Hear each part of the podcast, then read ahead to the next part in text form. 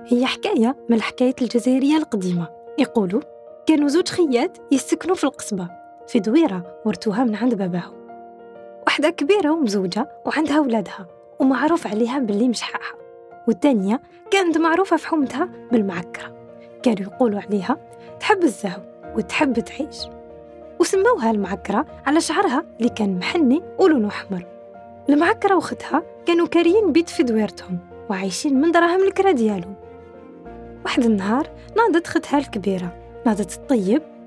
كاين اللي كانوا يقولوا هذاك النهار طيبة متوم وكاين اللي كانوا يقولوا طيبة بطاطا فليو وعبقت ريحة هذيك الماكلة وسط الدار وشمتها جارتهم المتوحمة. ومن بعد راحت الخت المعكرة وقالت لها اسمحوا لي طفات لي ناري وبقات هذيك الجارة رايحة جاية على هذيك الحالة سبع مرات. وفي كل مرة كانت تقول اسمحوا لي طفات لي ناري قبل ما نشعل النفخ ديالي. وهنا فهمت المعكرة باللي الجارة تشهد وما بها لا نار لا والو. ولازم عليهم يذوقوها من هذيك الطنجرة ومن بعد راحت طلبت من ختها بصح ختها ما حبتش. وقالت لها الطنجرة هذه قيس راجلي وولادي.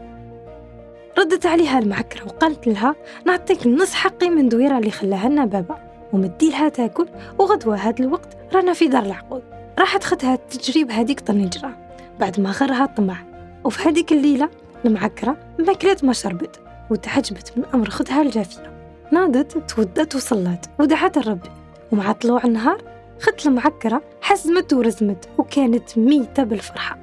وكي راحت تدقدق في باب خدها طولت ما فتحتش عليها. ومن بعد حتى جاها الشك وكسروا عليها الباب. وهنا كانت المفاجأة لقاو المعكرة مغسلة ومكفنة وريحة بيتها تعبق بريحة العنبر. وكي جاء الوقت باش يدفنوها بداو الرجال يكبروا ولكن كل مرة كان يحصل النعش في الباب. حتى نصحهم الإمام وقالهم أدفنوها في بيتها.